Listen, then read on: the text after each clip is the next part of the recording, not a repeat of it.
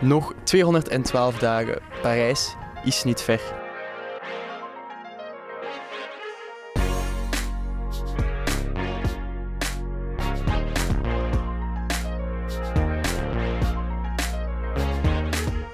Hallo iedereen en welkom bij ondertussen al de 20e aflevering van Parijs is niet ver. U hoort het goed, het is de 20e aflevering en daarom zien we ons vandaag ook voor het eerst met een camera. Ja, klopt. Eh, Dat moesten we vieren, zo'n twintigste aflevering. En daarom zijn we, van, zijn we deze keer ook te zien op, eh, op YouTube.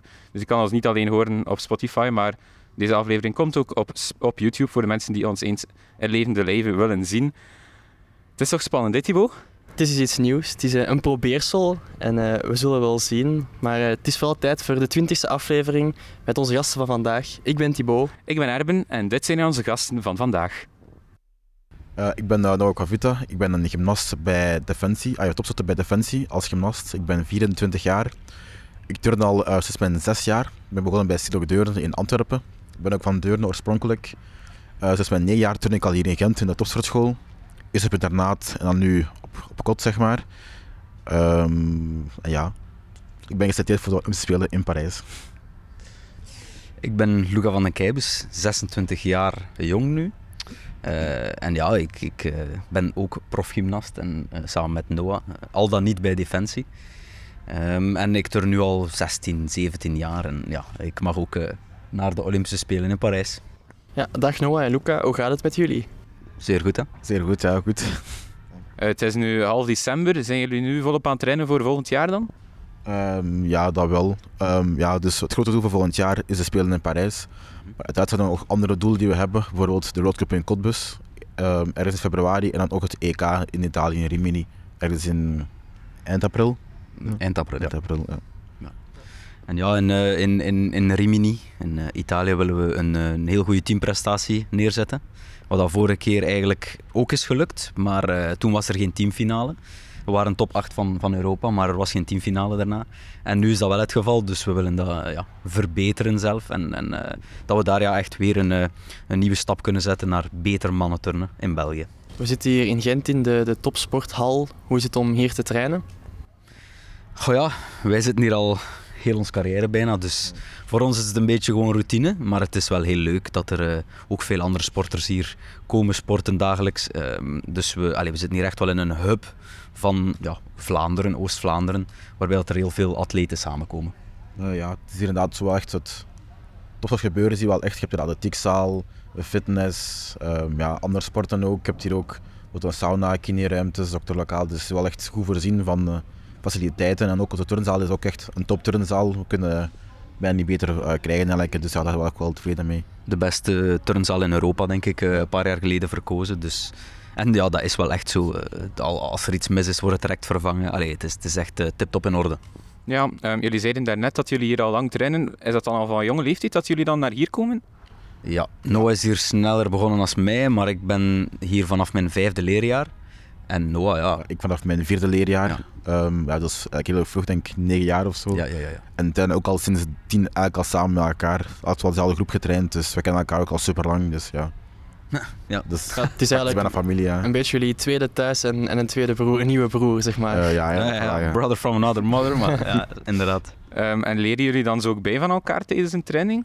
Goh, ja, eigenlijk wel. Eh, wij zijn, allee, het, is, het is niet zo makkelijk om uit te leggen, maar wij coachen elkaar ook. Eh, en dat is wel de bedoeling met vanaf dat je 17, 18-jarige leeftijd bereikt, dat we elkaar toch ook heel veel vooruit proberen helpen. Omdat je op die leeftijd toch al wat besef hebt van, ehm, van turnen, van gymnastiek. Dus het is niet alleen de coaches die u coachen, het is ook eh, diëtist, psycholoog, dokter en uzelf. En ook dan uw collega's die u, die u coachen.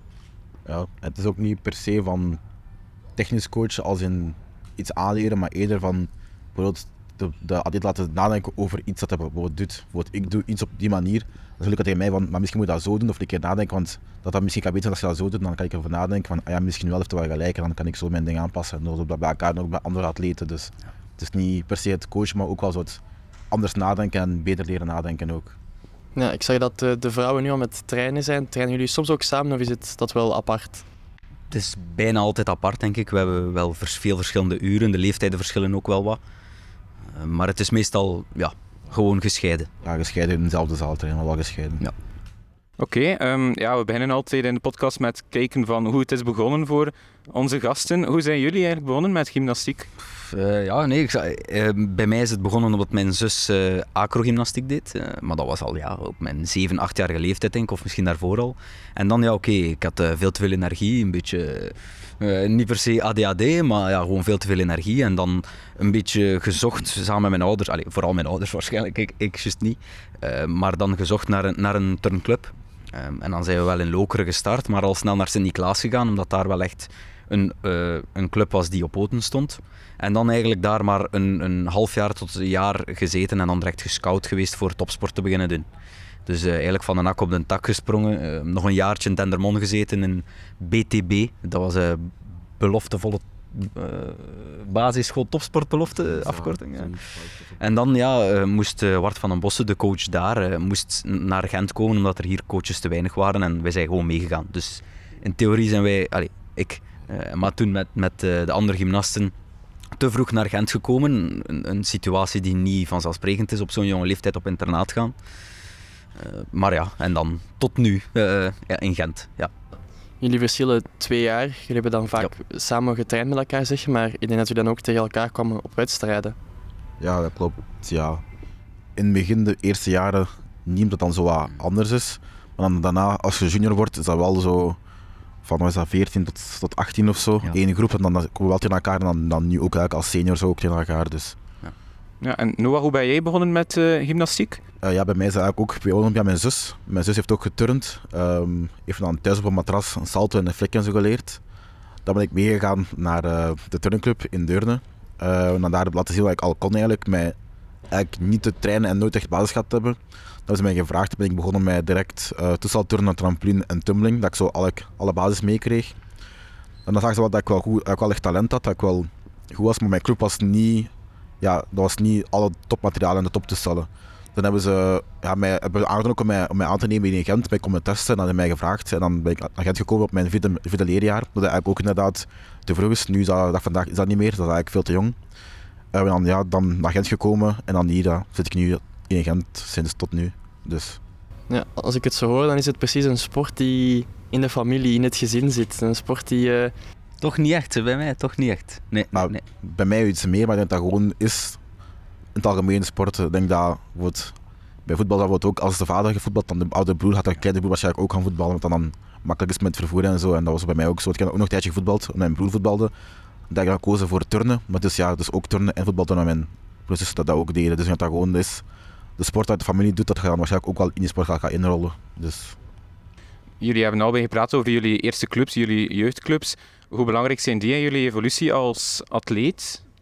Ja, bij mij toch wel heel belangrijk. Ik denk dat er nu nog uh, veel communicatie is met, met de clubs en, en, en ook ondersteuning van daaruit. Uh, dat we ook altijd terug kunnen gaan naar de clubs. Als we, ik denk dat nu het wel op poten staat dat de gymnasten vanuit verschillende regioclubs soms allee, de zaterdagen dan moeten teruggaan naar de clubs om een beetje te zeggen van kijk, um, één, jij kunt laten zien wat je al kunt in je club en de anderen worden misschien gemotiveerd en geïnspireerd door u omdat jij die jongen bent van, vanuit topsport. Dus dat is langs twee kanten eigenlijk heel interessant. Bij ons was dat nog niet zo. Eh, ik ben heel lang niet in mijn club geweest, gewoon weg omdat ik hier te veel moest trainen. Maar ja, ik vind dat toch wel heel belangrijk dat je toch wel um, beseft dat het niet altijd gemakkelijk is en dat het dat er van ver komt. Ja, um, in 2014, ja, Luca, ik ga me eerst eens focussen op jou. Want in 2014 nam jij deel aan de Olympische Jeugdspelen in, in Nanjing. Je had wel deelgenomen aan bepaalde EK's bij de jeugd daarvoor. Um, Hoe hard verschilt dat, zo'n groot ja, multi, multisporttoernooi in vergelijking met een gewoon EK bij de jeugd?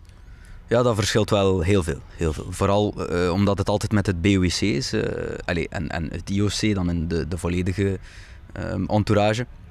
Maar ja, het is wel heel verschillend dat je naar een EK gaat met je collega's. En met echt de, de naasten, daar waar je elke dag naast staat. Uh, maar naar, ja, naar zo'n wedstrijd is, is dat met allemaal andere personen. En ik ben ook alleen met mijn, met mijn coach gegaan naar, naar de Jeugd Olympische Spelen. En ja, dat is toch helemaal anders. Je maakt direct wel nieuwe vrienden, want je bent alleen. Dus dat is wel heel tof. En, en ik ken er ook nog veel nu. Uh, dus je legt die connecties wel echt voor je leven. Uh, maar het is helemaal anders. Ja, een EK is echt in uw sport en, en daar ziet je dan alleen gymnastiek. Maar als je zo naar een grote wedstrijd gaat, die weken daarvoor, de week zelf, is, is echt ja, helemaal anders wereld van verschil. Ehm, en vooral ja, dat je, iedereen heeft op een ander moment wedstrijd en je leert andere sporten kennen, hoe dat zij iets doen, hoe dat zij niet iets doen. Ehm, en dat was voor mij een onvergetelijke situatie daar. Eh. ik denk, ik heb dat nog één keer meegemaakt in de European Games dan, als, eh, als senior. Eh, dat was ook met veel verschillende sporten. Ehm, en ik hoop dat Parijs nog eens zo leuk is. Is het dan moeilijker om op zo'n Olympisch jeugdtoernooi de concurrentie in te schatten? Omdat je dan misschien ook komt tegen niet-Europeanen? In, in, in het turnen denk ik dat er minder naar gekeken wordt, naar echt concurrentie. Want ik kan niet iets doen waardoor mijn concurrentie slechter wordt en omgekeerd ook niet. Ehm, en ook eigenlijk niet beter. Dus ik kan zelf mijn traject afwerken, heel hard trainen en dan gewoon een prestatie leveren. En uiteindelijk wordt dat dan in de ranglijsten wel gezien wie dat er beter was dan de andere. Maar echt, uh, concurrentie is er niet zoveel bij ons in onze, in onze sport. Het is meer, we zijn allemaal vrienden, we weten hoe hard we er moeten voor werken. Op de wedstrijdvloer is er wel wat concurrentie, maar het is niet, niet negatief. Maar dat was dan toch moeilijk om in te schatten, neem ik aan, waar je stond internationaal om verwachtingen te stellen bijvoorbeeld voor zo'n toernooi? Dat wel, dat wel. Je weet natuurlijk van de vorige edities en, en ja, op een EK weet je bijvoorbeeld ook, oké, Ehm, hoeveel van die jongens mogen ook naar de jeugdolympische spelen? En, en van internationaal is dat iets moeilijker, inderdaad. Bijvoorbeeld, uh, ik zeg maar iets, Uruguay of, of Panama. Je weet totaal niet welke gymnasten dat er gaan vanaf komen.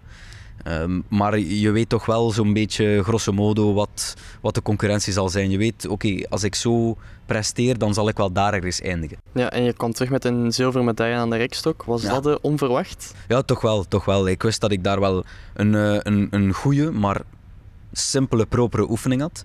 En er hebben er wel wat foutjes gemaakt, andere gymnasten met moeilijkere oefeningen. En dan ben ik daar eigenlijk zo wat, ja, met een heel goede oefening wat tussen geslipt.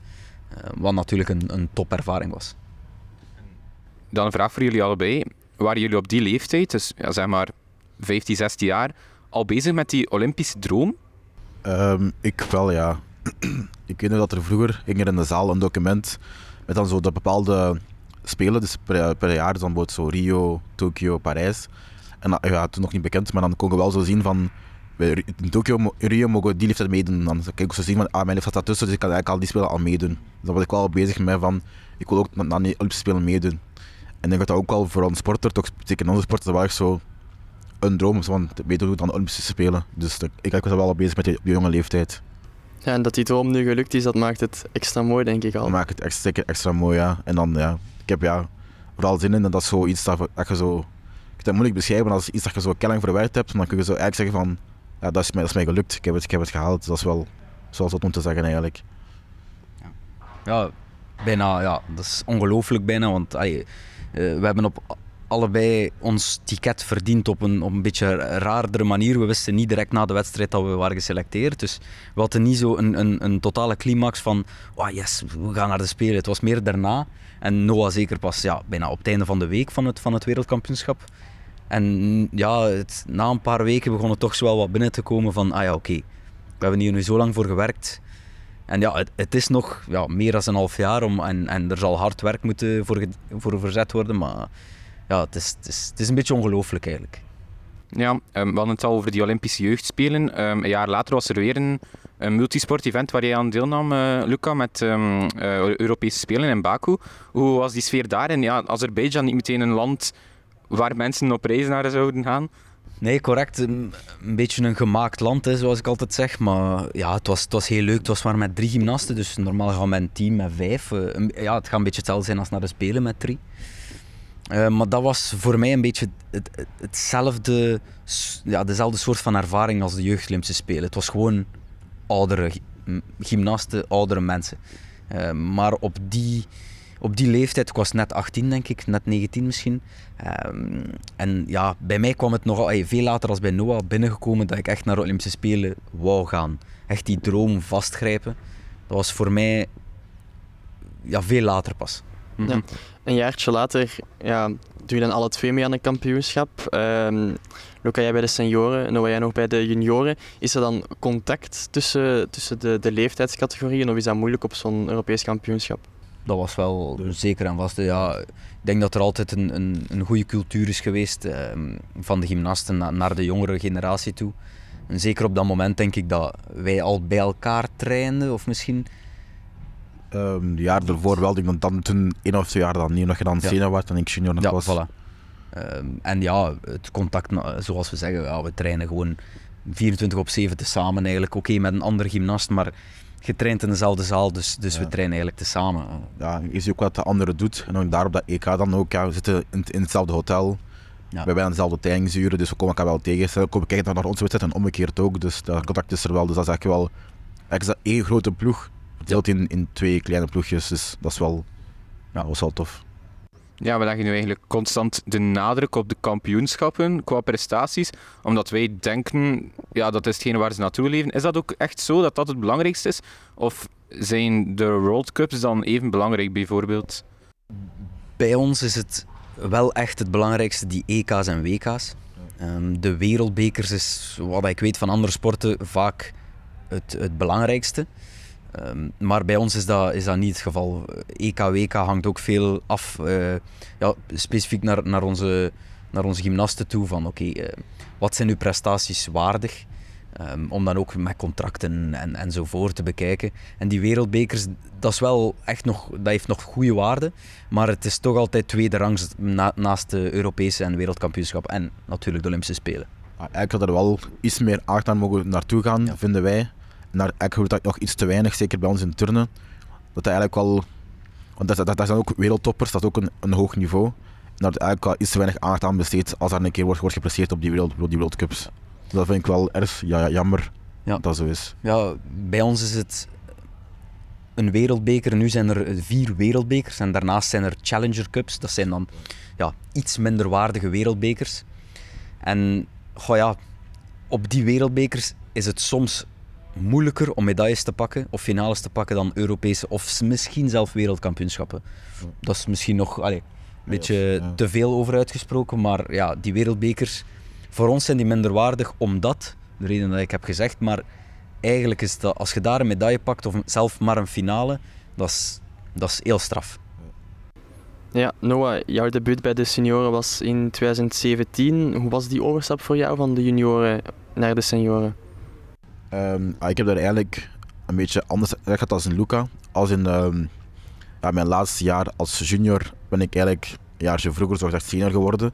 Dus daar heb ik eigenlijk één jaar echt volmaakt kunnen trainen op ja, nieuwe elementen leren, moeilijke elementen leren, hoeven veranderen naar, tien elementen. Dus daar had ik eigenlijk een heel jaar dat ik eigenlijk om ja, te transitioneren naar een volwaardige senior. Dus dat was wel wel een beetje een voordeel vond ik. En dan uiteindelijk op dat, BK ik dan daar mijn eerste zit dan al als senior echt. En dat vind ik wel, bij mij is dat wel een voordeel, dat je dan echt kunt focussen op nieuwe elementen leren en echt kunt focussen op van, kijk, dat is mijn doel, dat, dat, dat, dat, dat wil ik en hoe, en ga je dat aanpakken in dat volledig jaar. Dat was wel voor mij een groot voordeel daar.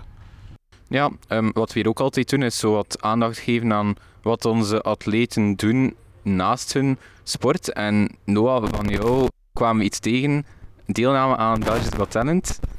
In eh, 2018 was het denk ik, of 2017, 2018. Hoe kijk je daarop terug, op die eh, ervaring? Eh, dat was wel tof om te doen eigenlijk. Ehm, dat is ook mijn eerste ervaring zo met tv en zo shows en al. Eh, ik weet wel dat dat ook wel lastig was. Zeker zo voor de live shows hebben we daar een hele week kunnen oefenen en repeteren op dat podium. Maar dat is dan ook, ja, dat is keer na keer na keer na keer die oefening doen. En dat was ook, was ook een lastige oefening, dus dat was ook wel doodgaan. En daarnaast nog, ook nog eens trainen, dus dat was ook niet zo evident. Maar als je daar naar terugkijkt, vond dat wel een toffe ervaring. Want daar je ook andere mensen kennen in andere sporten, talenten, disciplines. En ook ja, zo op tv komen, dan herkennen mensen je wel en zo. Dus dat is wel nice om, te, om dat mee te maken. En ook, ja, dat was ook een heel goede promotie voor turnen, wat dat overal het doel was, door turnen te promoten. En dat heeft wel, wel, geholpen, want daarna waren een paar maanden dat ik wel erkend werd als die gymnast van Got Talent. Dat is wel iets dat mij wel zo blijven achtervolgen, dat ik wel echt wel tot, tot, tot, tot ben eigenlijk dat ik gedaan heb. Zo. Ja, voor de mensen die het niet hebben gezien, wat, wat, was jullie, wat waren jullie acts precies? Eh, dus dat ik het samen gedaan met eh, Jimmy, dat is een ex-gymnast.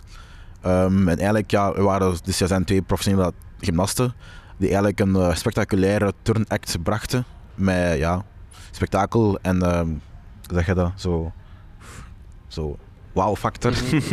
Ehm, ja, en ook soms een beetje in het kader van de Olympische Spelen, ook omdat wij dan toen werkten aan de Olympische Spelen voor eh, Tokio. Toen net niet gehaald, maar dat was zo het idee daarachter. Ja, zou je het nu nog eens doen? Eh, als het kan in een panningpas zou ik het wel nog eens doen, ja. ja. Ik vond het wel tof. Misschien kunnen jullie met twee dan meedoen. Als, uh, meteen een, zeker, gold, hè. een golden buzzer Ja, of ik tegenwoordig. Ik weet nog eh, dat ze, ja, Noah denk ik dat met het idee afkwam toen. En eh, bijna iedereen had gezegd, ah nee, nee, de zot, doe, ik, doe niet zot. En dan ja, Jimmy en hij, eh, en echt dan, eh, ja, wat was de naam nu weer? Uh, Interius Fortitude was naam. Voilà. en dat je het op YouTube staat, of niet? Ja, ja, ja staat zeker. Staat ook Die op show, YouTube, ja. ja, ja, show staat op YouTube. eh, ook op mijn YouTube kanaal zelf staat de show zo. Ay, Ja. Zo de behind the scenes en zo staat er allemaal op, dus kunnen we een keer daar herbekijken. Ehm, ja, we hadden het daar net al over ehm, het feit dat grote kampioenschappen het hoofddoel zijn. Maar dan bijvoorbeeld zo'n Belgisch kampioenschap, is dat dan ook zo'n hoofddoel? Of is dat dan eerder een voorbereiding op een volgend groter toernooi? Dat is heel spijtig eigenlijk. Dus bij ons komt dat echt op, op het laagste latje bijna. Wat dat heel spijtig is, want we kunnen voor ons, ja, voor ons nationaal publiek turnen. Eh, maar bij ons komt dat heel vaak uit op een verkeerd moment. En bij turnen is het ja, twee, drie maand echt zware opbouw nodig voor eigenlijk te pieken op één wedstrijd. Ehm, en daarna kunnen we nog wel wat uitbollen, om het zo te zeggen, op, op, op wat wedstrijden.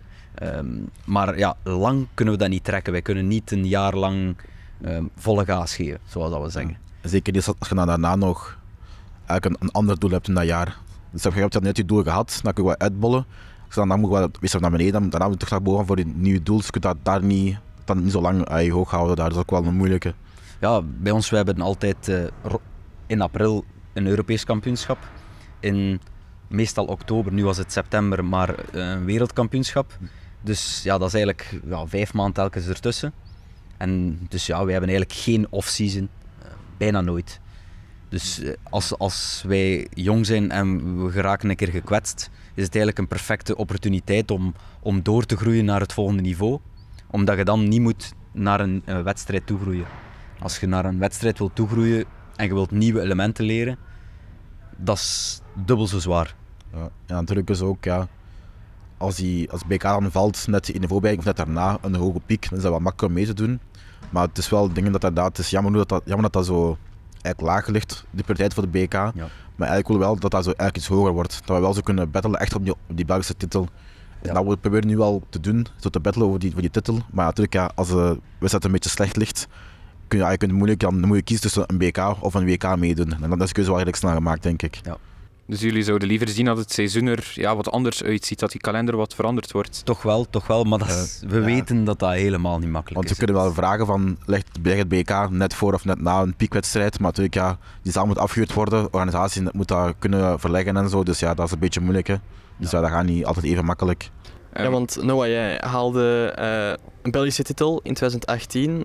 Maar ligt dat dan, als je piekt naar het EK, een, een tussenpiek of, of zelfs dat ook niet? Daar hangt een beetje, een beetje vanaf.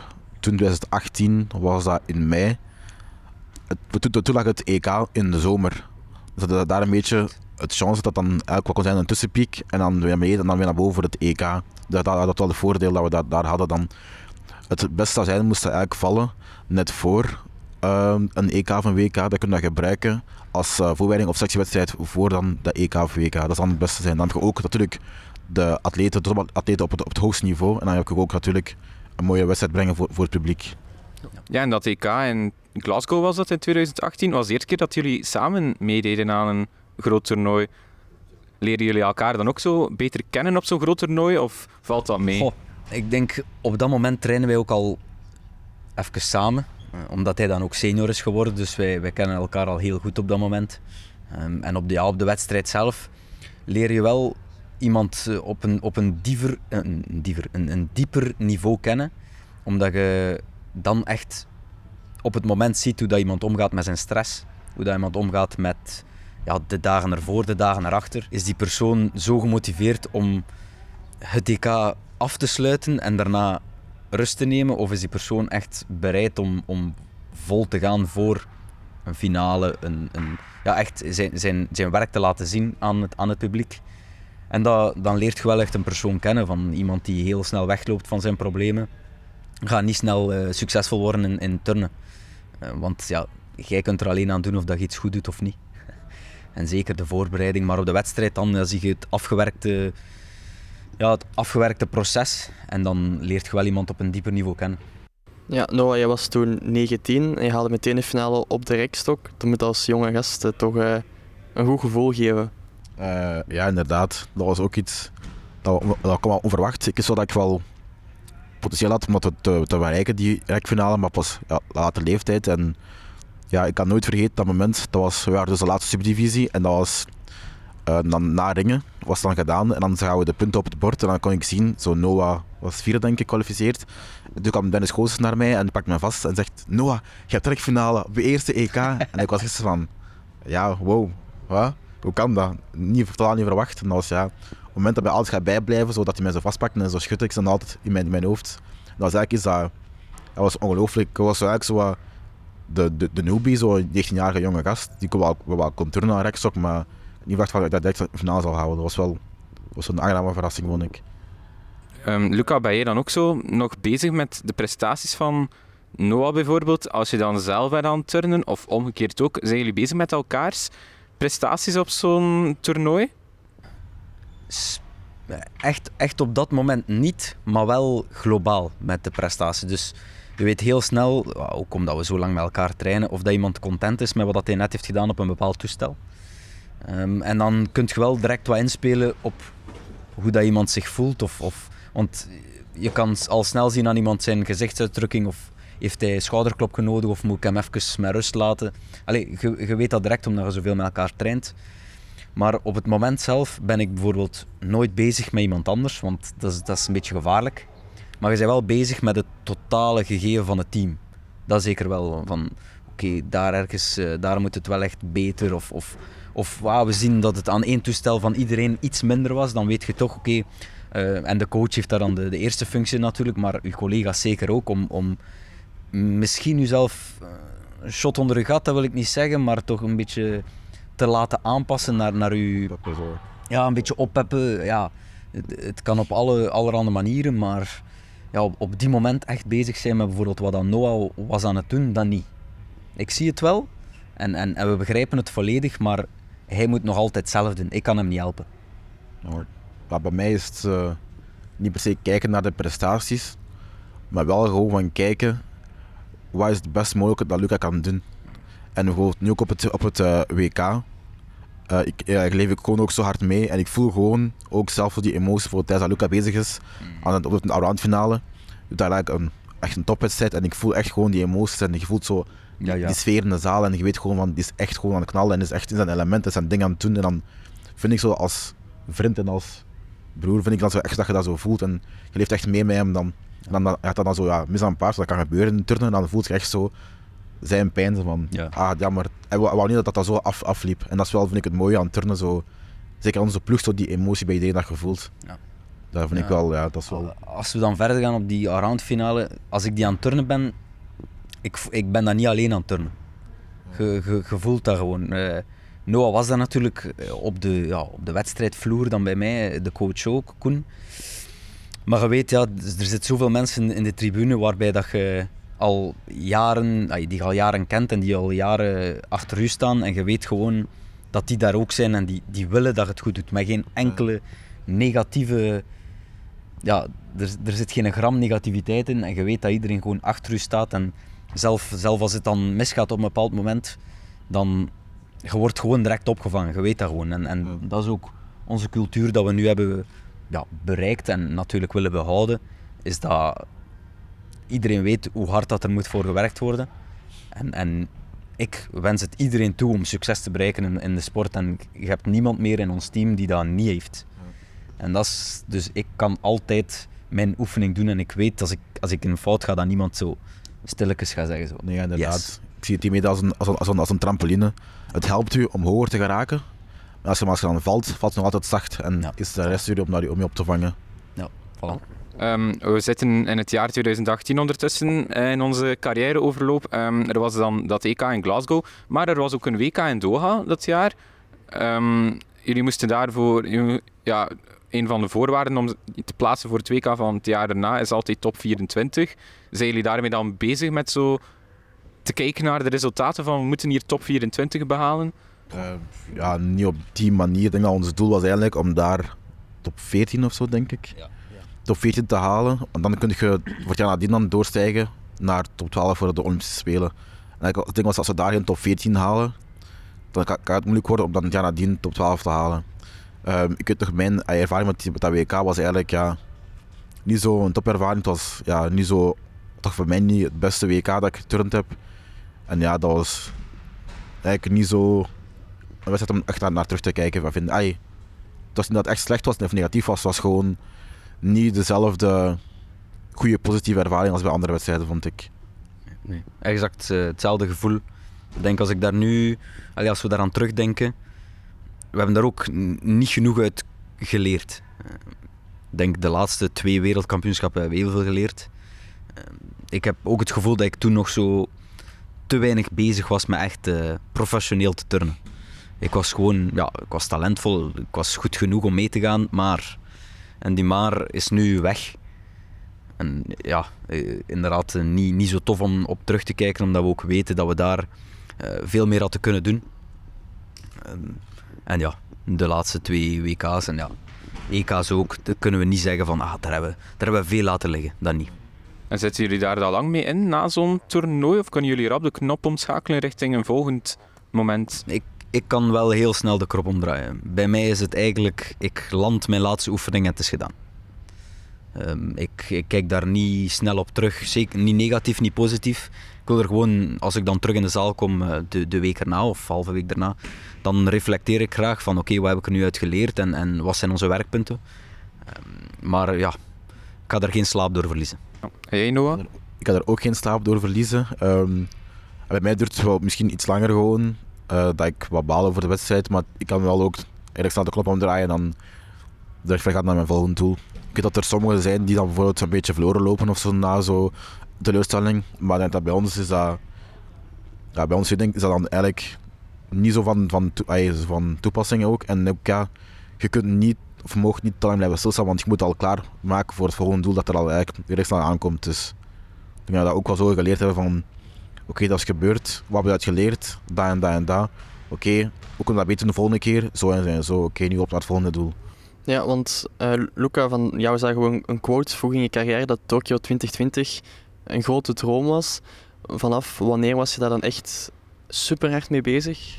Ik denk eigenlijk eh, rond 2019, denk ik. En als ik juist ben, is dat wereldkampioenschap Stuttgart in, Ja, in Duitsland. En vanaf daar, dat was eigenlijk onze, mijn eerste echte kans om, om met, ja, met team, was het moeilijk geweest, maar met team of individueel naar de Spelen te gaan. Maar toch was ik er niet super mee bezig. Ik weet gewoon dat ik eh, ja, dat onze kwalificatie afwerken. En dat dan ja, iemand zegt tegen mij van ja, want we waren heel teleurgesteld. Dat, dat weet ik nog. We waren heel teleurgesteld omdat we wisten, ja, we hebben hier toch wel wat laten liggen. Ehm, en ja, dat was eigenlijk de eerste wedstrijd en de enige waar ik echt de knop eh, later heb pas kunnen omdraaien. Van oké, wa- het was niet goed. Ehm, maar ja, iemand zei tegen mij, ja, je gaat naar de Spelen toch, eh, met je allround eh, kwalificatie. En ja, ik wist het totaal niet, ik was er totaal niet mee bezig. En ja, dan blijkt dat ik daar ergens vierde, derde reserve sta uiteindelijk. Als de Spelen beginnen was ik eerste reserve, denk ik zelf. Goh ja, en, en eigenlijk na die wedstrijd heb ik beginnen beseffen van, ah, dat wil ik eigenlijk wel. Het is niet dat ik er per ongeluk wil insukkelen, maar ik, ga, ik wil er echt voor werken. Ehm, en dat is voor mij de eerste echte moment waar ik zei van, oké, nu wil ik het eh, met beide handen grijpen. Ja, want de top 12 was nodig op dat WK in Stuttgart, maar dat werd dan niet bereikt.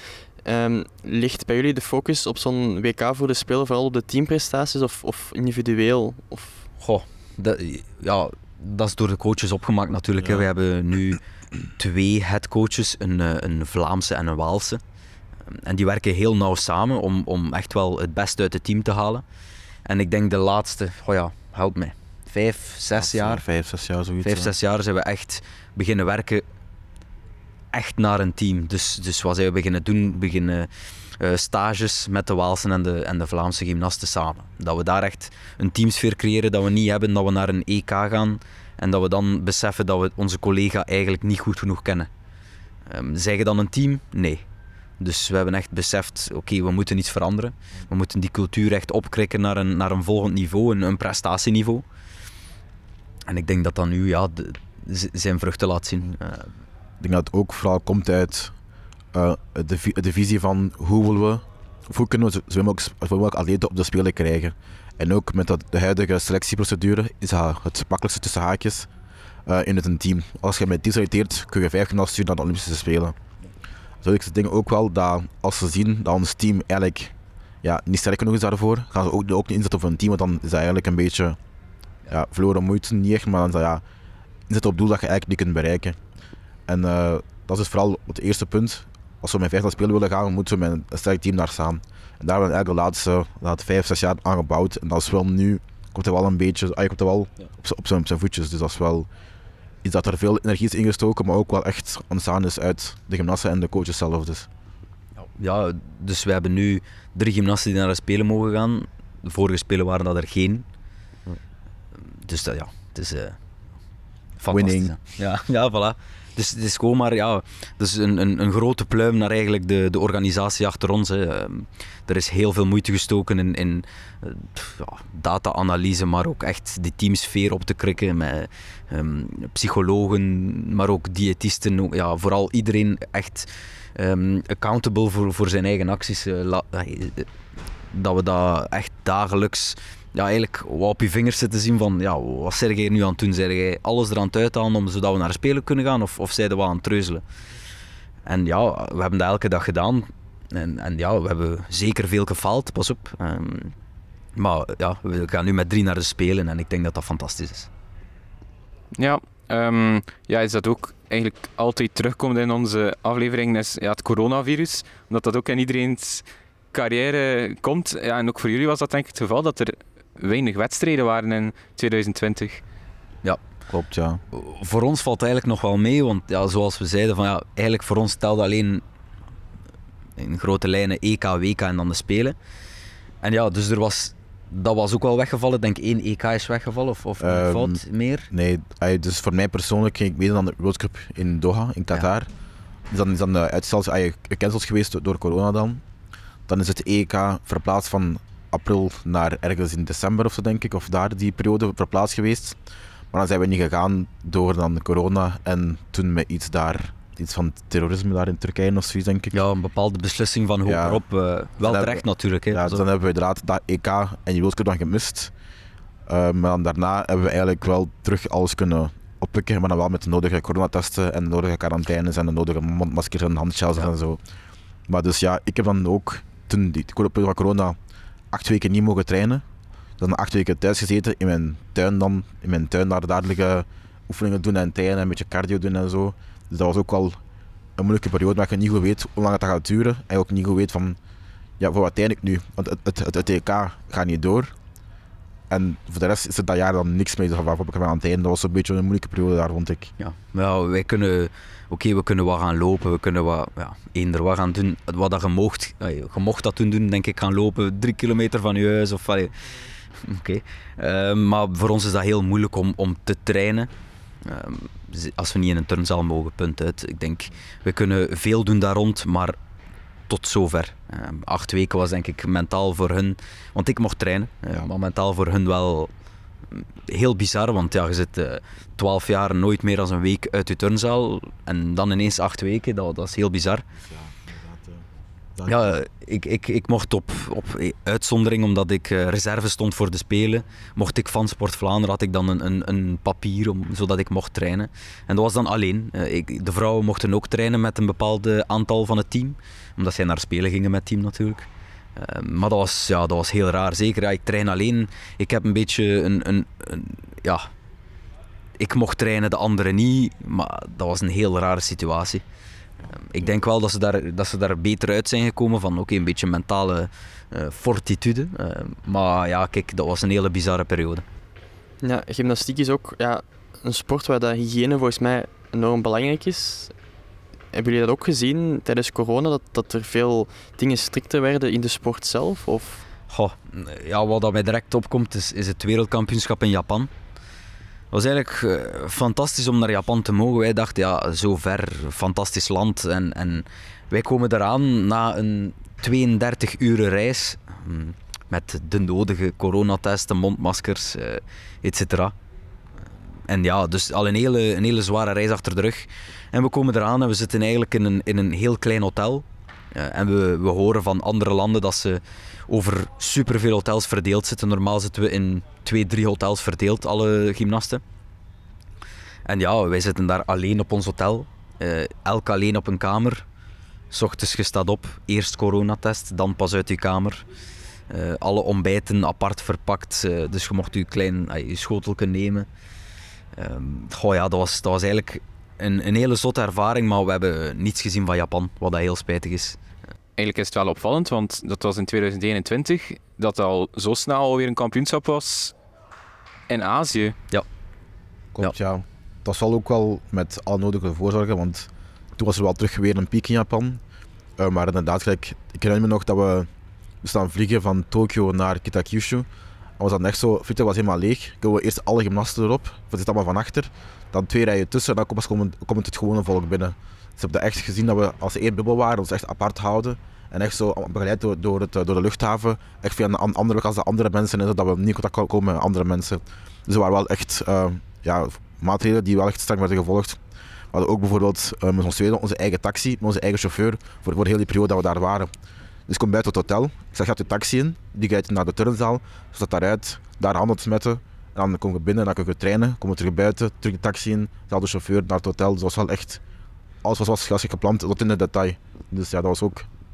Wat ook het eten, was dan eten aan een tafel met max 4, maar ook met, met plastic sch- schermen tussen. Ja. Dus dat zat echt ja, aan tafeltje met vier, en dan een scherm naast je, scherm voor u. En dan zit je zo te eten met... Ja, ja met, met- met, met twee, dus er waren vier plaatsen aan een tafeltje met twee aan een kruis plexiglas en je moest diagonaal zitten van elkaar. Dus ja, Ehm, zo goh, ja. ik denk Dus ja, dat was wel echt... Alles was echt tot in de detail van maatregelen van dit mag je niet doen, dat mag je niet, zo, dit, dat. Dus dat was wel echt... Echt, wij daar eigenlijk op zijn Japans goed voor gezorgd. En ik denk dat er ook heel weinig, of misschien maar één bes- bes- besmetting was. Dus dat is ook wel... Ja, het heeft Ja. gewerkt daar, dus... Dat was een succesvol WK op dat vlak. Natuurlijk voor ons wel jammer, dan ga je helemaal naar Japan voor, van een WK en dan kun je eigenlijk niks zien. Dus dat is wel een beetje jammer. Ja, voilà, ja. Ja. ja we, we weten dat, dat het heel... Ja, het, was, het was stressvol omdat het gewoon zo spijtig was geweest. Als we één keer positief werden getest, dan was het ja, in, in theorie gedaan. Dan waren we helemaal naar daar gekomen voor, voor niets. Heel die voorbereiding gedaan voor niets. Ehm, ja, ik denk dat er heel veel frustratie is geweest van diegene die dan toch eh, is positief is getest. En dan de tweede keer als ook. Er zijn er een paar extra positief getest de eerste keer en dan terug negatief na de volgende dag of die avond. Ehm, en die mochten dan wel doen, maar ja, natuurlijk, die ene dag zit je wel vast in je kamer. Ehm, dus ja, ik wil het niet meegemaakt hebben, dus we zijn heel voorzichtig geweest. Maar ja, het, het, het, was, het was heel tof, maar ook...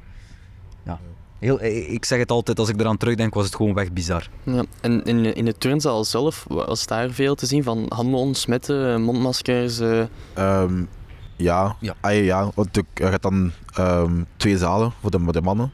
Dan had je de coaches moesten een masker dragen, je kon binnen het handen ontsmetten. En dan had je ook ehm, dat je met een beperkte groep, dus altijd met dezelfde landen ook traint. En dan ook zo echt met een systeem dat je moest eigenlijk doorschuiven. Wij hebben ons niet echt aan gehouden, maar dat nu echt doen bij het mannenturnen, maar dat is echt zo van, van dat uur tot dat uur heeft dat land dat, dat toestel. Dat uur tot dat uur heeft dat land dat toestel zo echt gereguleerd. Dus dat is wel echt, ja, ja, de maatregelen wordt ook afgeroepen van nu mag dat land naar dat toestel gaan. Bij, bij ons is dat natuurlijk iets minder, maar wij als mannengymnasten is dat iets, is dat iets losser ook en dan wordt daar minder naar gekeken. Maar daar was dat, wel, het was wel echt zo gereguleerd met een schema van je hebt zoveel minuten of zoveel, zo lang tijd aan dat toestel voor te trainen. Dat was ook wel, daar ook altijd wel strenge regels waren.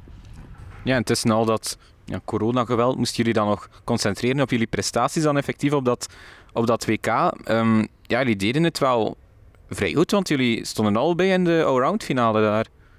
Klopt, ja. Nou, was fa- fantastisch, hè? Ja, wel, wat er heel hard voor gewerkt. En, en dan zien we daar ineens van, ah, ah allebei finale.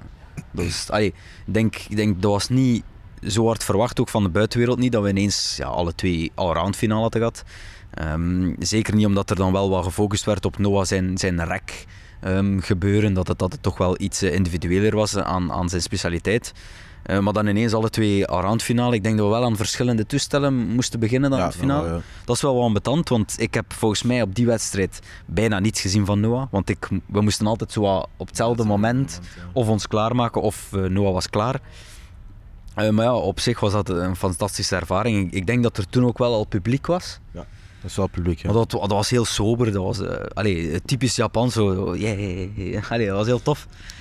Eh, maar ja, ik denk dat is wel een van, een van de dingen dat ik nooit ga vergeten. Is, is die randfinale daar. dat, dat, dat, was, dat was heel tof. Ja, een hele bizarre situatie, maar toch prestatiewijs gezien heel tof. Ja. En Noah, voor jou was er een, een knappe rekstokoefening. Ik lees hier met de trippelgehoekte salto als afsprong. Klopt, ja. Dat was ehm, toch wel een speciaal moment. Zeker in die finale heb ik die afsprong perfect geland zonder een pasje te zetten. Dat moment is ook viraal gaan op, op, eh, op internet. Dat was echt, ja... Ja. te zien dat dat overal zo rondging. En ook gewoon daar in die zaal zelf ook, als je dan zo landt, ja... Het publiek ging echt, ja, Ja. helemaal los. Je voelt echt zo... Zo van iedereen, dat die waardering dat was wel echt nice om, te- om mee te maken, denk ik. En ik heb daar ook mijn oefening twee keer gelukt, echt, in de kwalificatie en in de finale. Dat gaf me wel veel vertrouwen voor de toekomst ook. En ehm, ja, ook, dat, na, ook nadien, na de wedstrijd, voel je ook zo... Dat publiek komt naar u dan, dat zijn mensen ja, oh, goed gedaan, het echt goed gedaan, dit, dat, proficiat, bla, bla, bla. Dat is wel echt tof dat je zo weet van... Ah, nice, van... Kijk, ik, ik heb er gestaan en mensen hebben mij, hebben mij gezien en Ja. het was goed, dus dat is wel tof om mee te maken. Nou, die erkenning, hè. Allee, Ja, ik weet het nog goed, ja. Noah doet daar zijn afsprong. Eh, iedereen gaat uit zijn dak. En ja, wat, dat, wat dat heel tof is, is dat, dat andere gymnasten ook uit hun dak gaan. Want Ja.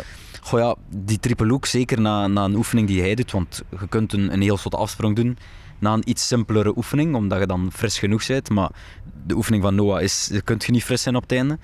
En dan heel de wereld, de turnwereld beseft wel dat dat, dat ja, dat is een, een, een, van, van het middenveld dat Ronaldo los in de winkel had trapt. Dat is, ay, zeker als je dan perfect staat daarna, ja, dat, dat, dat, is- dat gaat niet snel nog eens gebeuren of niet snel gaat nog iemand hem nadoen. Eh, hij zelf wel, maar eh, ja, ik denk nu nog altijd, als Noah dat doet, iedereen kijkt wel, eens, pas op. Ja. eh, dat is iets wat dat, ja, niet veel voorkomt in onze sport. En hij heeft het ook ja, dat samen met de coach echt besproken van, ja, gaan we een keer iets zot doen? Eh, ga- hoe gaan we je naam op de kaart zetten?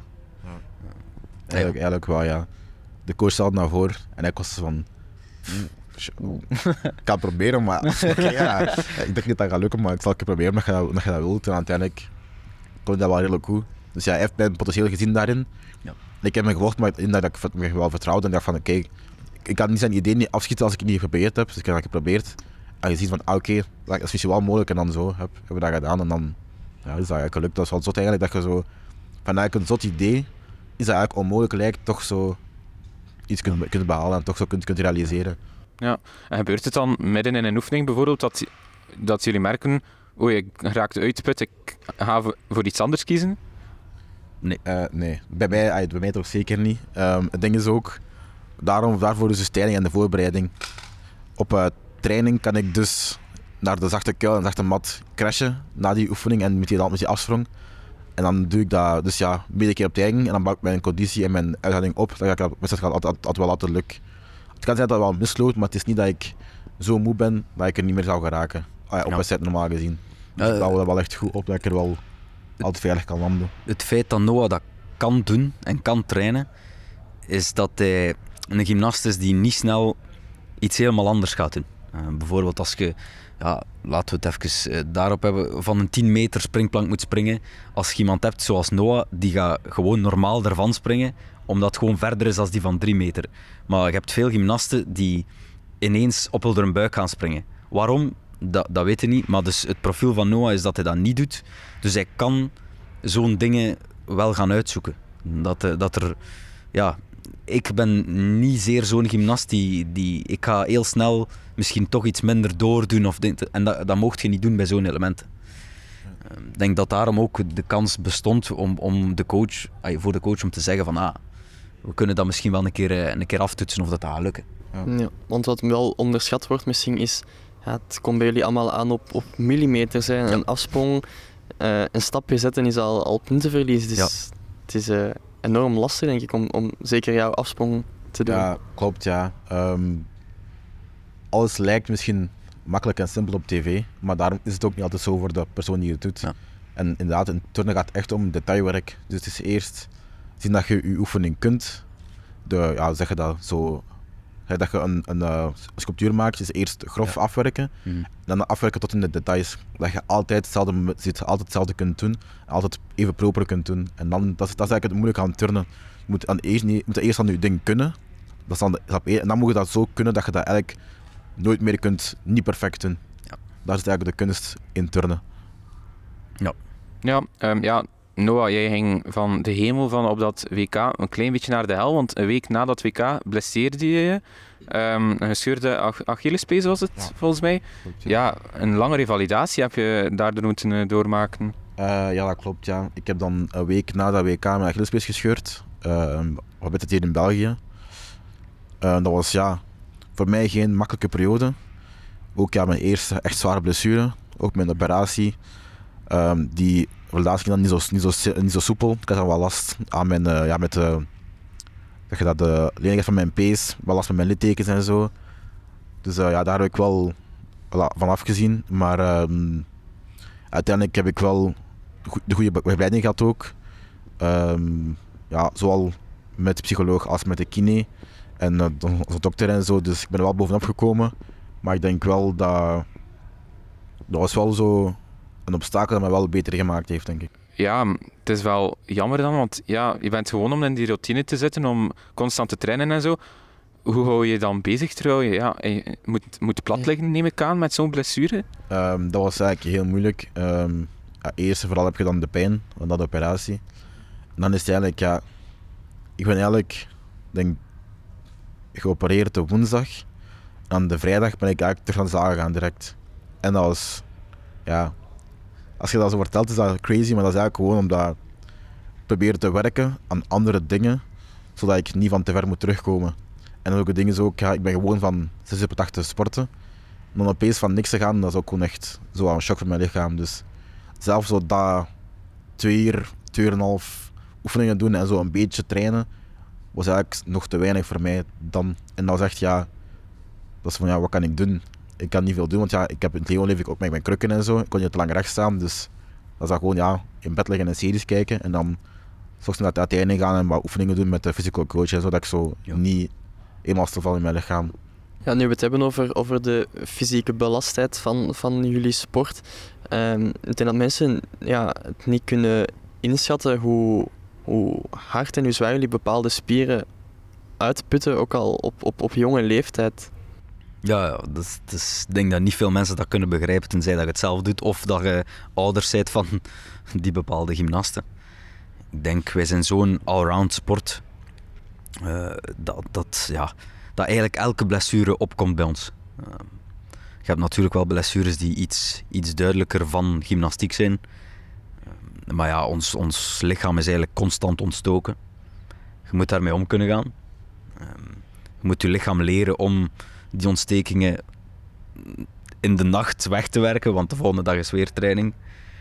Ehm, en ik denk, ja, bij mij zie ik dat heel snel als ik even vrij afneem. Eh, twee weken maximum. Ehm, of ja, zelf een week, dan, dan heb ik ja, bijna het dubbele nodig om terug tussen haakjes fit te zijn. Gewoon omdat je lichaam die belasting echt nodig heeft om belastbaar te blijven. Eh, als je even die belasting verliest, dan, dan voelt de lichaam direct eh, aan van nee, stop eens. Eh, maar ja, dat is, dat is zo belangrijk bij ons dat wij, dat wij, hoe zwaarder wij trainen, hoe beter dat je wordt. Ehm, en hoe meer dat je aan kunt. Maar als je lichter en lichter gaat trainen door bijvoorbeeld een blessure. Waarom kwam Noah de vrijdag al, twee dagen later al terug trainen? Omdat je, ja, één, je zit in die routine. Dus het is logisch dat je naar training zou komen, maar ook, ook de collega's, maar ook gewoon je lichaam heeft dat nodig. Eh, al is het wat, wat, wat biceps trainen, eh, al, is het, al is het je andere voet eh, honderd keer bewegen. Het zijn van die kleine dingen die hem uiteindelijk naar het niveau van nu hebben gebracht. Ja, want het is misschien moeilijk om te zeggen, maar welke spier wordt nu bij gymnasten het, het, het vaakst, ja, het hardst belast? Dat is een mo- moeilijke vraag. Ik denk dat je het weet, maar Ik denk bij mij persoonlijk zou ik zeggen, ja, spier niet specifiek, maar eerder bij mijn schouders, denk ik. Ja. Ja, want die is belangrijk bij de, de ringen bijvoorbeeld, of bij de Ja, rekstok, ja, of ja, bij, bij alles, alles, eigenlijk. alles, ja. ja. Ja, als je alles. geblesseerd zit aan je schouder, dan kun je bijna niets doen. Eh, zelf, zelf als het gewoon over grond gaat, waarbij dat je eigenlijk alleen, allee, in theorie alleen je benen moet gebruiken, kun je bijna niets doen. ja, je zou dan eventueel één of twee dingen kunnen doen, maar dan is dan ook wel handig die één, twee dingen en dan Ja. ben je eigenlijk al klaar. En dan kun je eigenlijk, ja... Ja. blessures zijn inderdaad wel echt veel voorkomend ook in turnen. En inderdaad, ja, als je dat hebt, dan is het moeilijk om echt nog te trainen trainen. Dan moet je heel snel teruggaan naar het echte basisniveau. Ja. Maar bijvoorbeeld dan basisniveau op één arm. Of van, van die rare dingen waarbij dat gewoon zegt, ja, blijf misschien beter thuis. Maar dat is dan ook geen optie. Ja. Ehm, ja, Luca, iets anders waar we het nog over wilden hebben is eh, het feit dat je in 2021 lid werd van een, een nieuwe, ja, moet- moeten we het noemen, een atletencommissie. Ja. Om voor een, ja, een gezond en ethisch sportklimaat te zorgen. Wat is het precies en waarom is het zo belangrijk? Goh ja, dat is zo belangrijk omdat sporters niet altijd een, een, een jonge sporters vooral dan niet echt een, een, ja, een klankbord hebben. Ehm, als dat ouders zijn, die staan er misschien te dichtbij. Eh gymnasten, naasten staan er misschien ook te dichtbij, want kinderen kunnen soms wel hard zijn voor elkaar. En dan ja, eh, trainers ehm, zijn ook niet altijd de juiste klankborden om, om u sommige dingen te komen vertellen. En dan zijn, ja, zijn wij er gekomen als, als atleetcommissie van de Gymfederatie dan, om te zeggen van kijk, we zijn een kanaal eh, tussen sporters, atleten, ouders, om uw verhaal te komen doen, anoniem. Ehm, en dan zoeken wij wat dat wij daarmee kunnen doen. Eh, kunnen wij je doorsturen, gewoon naar de beste persoon linken. En ik denk dat dat gewoon een, ja, een heel interessant gegeven is eh, van de Gymfederatie. Eh, om daar gewoon op verder te gaan als er, als er eigenlijk van sporters voor sporters. En ik vind het heel belangrijk dat dat er is. Eh, want eigenlijk is het de bedoeling dat wij geen aanvragen hebben of, of, of, of geen eh, berichtjes binnenkrijgen. Maar als er één is, dan kunnen we één iemand echt goed helpen. En als er honderd zijn, dan hopelijk, hopelijk zijn het er geen honderd natuurlijk. Maar bon, dan, dan zijn het er honderd en dan zullen we die ook eh, op zijn weg helpen. Maar ja, on- onze, we streven eigenlijk naar een doel dat we, dat we nooit iets binnenkrijgen. Want dan heeft de Gymvet zijn job gedaan, de coaches. En dan zijn de atleten ja, blij. Ja, hebben jullie in jullie carrière al iets onethisch meegemaakt van zaken? Goh, eh, turnen is altijd op een grijze lijn. Ik denk, er, het, is- niet wit of zwart, turnen is gewoon heel zwaar. Sport in het algemeen. Ay, toch sport Ja. op hoog niveau in het algemeen. Dus een beetje een grijze zone, een grijze lijn, omdat de coach probeert je te pushen naar een hoger niveau. En het is niet altijd makkelijk om dat jezelf te doen. Want natuurlijk, bij sport komt ook bij, bij kijken afzien en pijn. En het is niet makkelijk om jezelf te doen afzien of jezelf een beetje pijn te laten leiden. Dat, kan, dat is makkelijk om die push te krijgen van buitenaf. Ehm, zijn er dingen gebeurd in het verleden die iets oncorrect zijn? Ja, misschien wel. Ehm, heeft dat ons beter gemaakt op een manier wel. Ik denk dat alles wat gekomen is uit de bedoeling om ons beter te maken. Ja, voilà. En het is nu al goed dat er wel wat naar gekeken wordt van hoe kunnen we bepaalde dingen op een andere manier of correcte manier aanpakken. En dat is wel, vind ik bij ons wel echt verbeterd. Ehm, ook de coaches proberen ook meer te praten met de atleet samen van hoe kunnen we bepaalde dingen oplossen of hoe kunnen we bepaalde doelen of dingen gaan bereiken. Ja, ja het, is, is moeilijk. Hè. Een, een coach moet eigenlijk alles zijn. Hè. Een coach moet eh, deels een diëtist zijn, psycholoog, eh, eigenlijk een beetje dokter ook. Ga je de filter voor niet, niet alle pijntjes moet naar een dokter gaan natuurlijk. Allee, van alles en nog wat. Dus een coach moet eigenlijk zes diploma's hebben of zo. Wat dat niet kan. Ehm, dus ja, dan, dan moet je gewoon kijken naar ja, het perspectief van de gymnast heeft daar veel mee te maken. Ehm, wat dat er over is en wat dat er niet over is. Ik denk dat een gymnast die beseft dat hij naar Olympische Spelen wil gaan, ehm, dat die zijn lijn veel verder ligt dan iemand die eh, amateuristisch eh, tof wilt gaan turnen. Ja. Dus dat, dat, is een, dat is een heel moeilijk gegeven. Dus ja, allee, ik denk dat het zeker in turnen, allee, gewoon omdat wij turnen komen, weten we ook hoe zwaar dat is. En, en goh ja, ik denk dat dat heel persoonlijk is. Wat dat kan en wat dat niet kan. Maar het is vooral heel belangrijk dat, eh, dat er kan over gepraat worden. Als een, als een gymnast vindt dat kan niet, eh, dan moet hij dat kunnen zeggen tegen zijn coach zonder dat er iets eh, ervan afgeraakt. En, en die moet dat kunnen zeggen tegen zijn ouders, die moet dat kunnen zeggen tegen zijn collega's. Ehm, en als iedereen daar rond meewerkt naar een oplossing, dan, dan gaan we de goede weg op. Ja, want in 2020 kwam dan het nieuws uit dat een beetje voor de shock in, in Belgische turnen zorgde. Om er misschien niet te veel over, over uit te wijden, hoe hard hebben jullie de gymfederatie zien evolueren daarin sinds 2020? Ja, er, zijn, er zijn wel wat veel dingen veranderd binnenin de Gymfed, ehm, of de Gymfederatie, eh, op die termijn. Eh, dus daar zijn ook veel veranderingen gebeurd, eh, waar dat wij niet zoveel van zien natuurlijk. Wij zitten gewoon in de zaal, wij trainen verder. Ehm, onze coaches weten daar meer van af natuurlijk, wat dat er allemaal eh, verandert, want dat is voor hun belangrijker dan voor ons. Uh, maar ja, ik zie het vooral vanaf dat ik dan meer inderdaad naar de atletencommissie en, en uh, wij hebben dan naar veel transparantie gevraagd vanuit de Gymfet ook van kijk, we willen weten um, wat dat jullie nu willen doen en, en van, van hier af uit. En dat hebben zij dan ook gedaan en wij zijn nu eigenlijk met bijna alles mee, waardoor dat wij ook kunnen meewerken aan, aan een betere gymfederatie. Uh, wat dat wij ook heel interessant vinden, hè? Uh, dat, dat er voor de volgende generatie veel kan gebeuren. Ik vind ook vooral um, nu dat er uh, zijn meer um, aanspreekpunten, gelijk aan de ethische uh, maar ook bijvoorbeeld in de club zelf heb je ook, dat noemt dan een API, ik weet niet wat dat juist exact staat. Ja. Maar dat een aanspreekpunt in de club voor bepaalde zaken dat ze dan bij hun kunnen, dat niet per se bij de coach moet zijn of bij medegymnasten of zo. Dus dat is wel, vind ik, een goede evolutie dat daar wel gebeurd is. Ja, um, we hebben het al gehad over jouw tv-ervaring, Noah. Maar Luca, je hebt ook een tv-ervaring gehad in de Container Cup. Ah, ja. En het tweede seizoen ervan. Ja. Um, ja. wat kan je daar nog van herinneren van die Container Cup? We zijn al verschillende was... gasten gehad eigenlijk die uh, goed hebben gepresteerd in de Container Cup. Ja, ja, ja. ja, ja. En jij ook, want je werd vierde denk ik in dat seizoen. Goh, ja, vierde? Ja? denk het wel. Ja, dat, ja tof. Uh, ja, voor, voor, mij ging het vooral over uh, de monkey bars natuurlijk. Hè. Ik wist, ja, elk, elke monkey bar was één seconde of zo van mijn tijd. Uh, en ja, wij zeiden het direct in de zaal van, ja, als, als wij zoveel monkey bars doen, dan moeten we maar zo snel lopen enzovoort. Um, dus ik dacht, ja, ik stuur gewoon naar iedereen van, van de mannen van de productie en, en uh, goh ja, naar, naar wie nog allemaal, naar Pedro Elias, uh, naar, uh, naar Wesley Sonk. en dan kregen we een bericht terug van de communicatie hier op, op de Gymfederatie van stop me naar iedereen te sturen.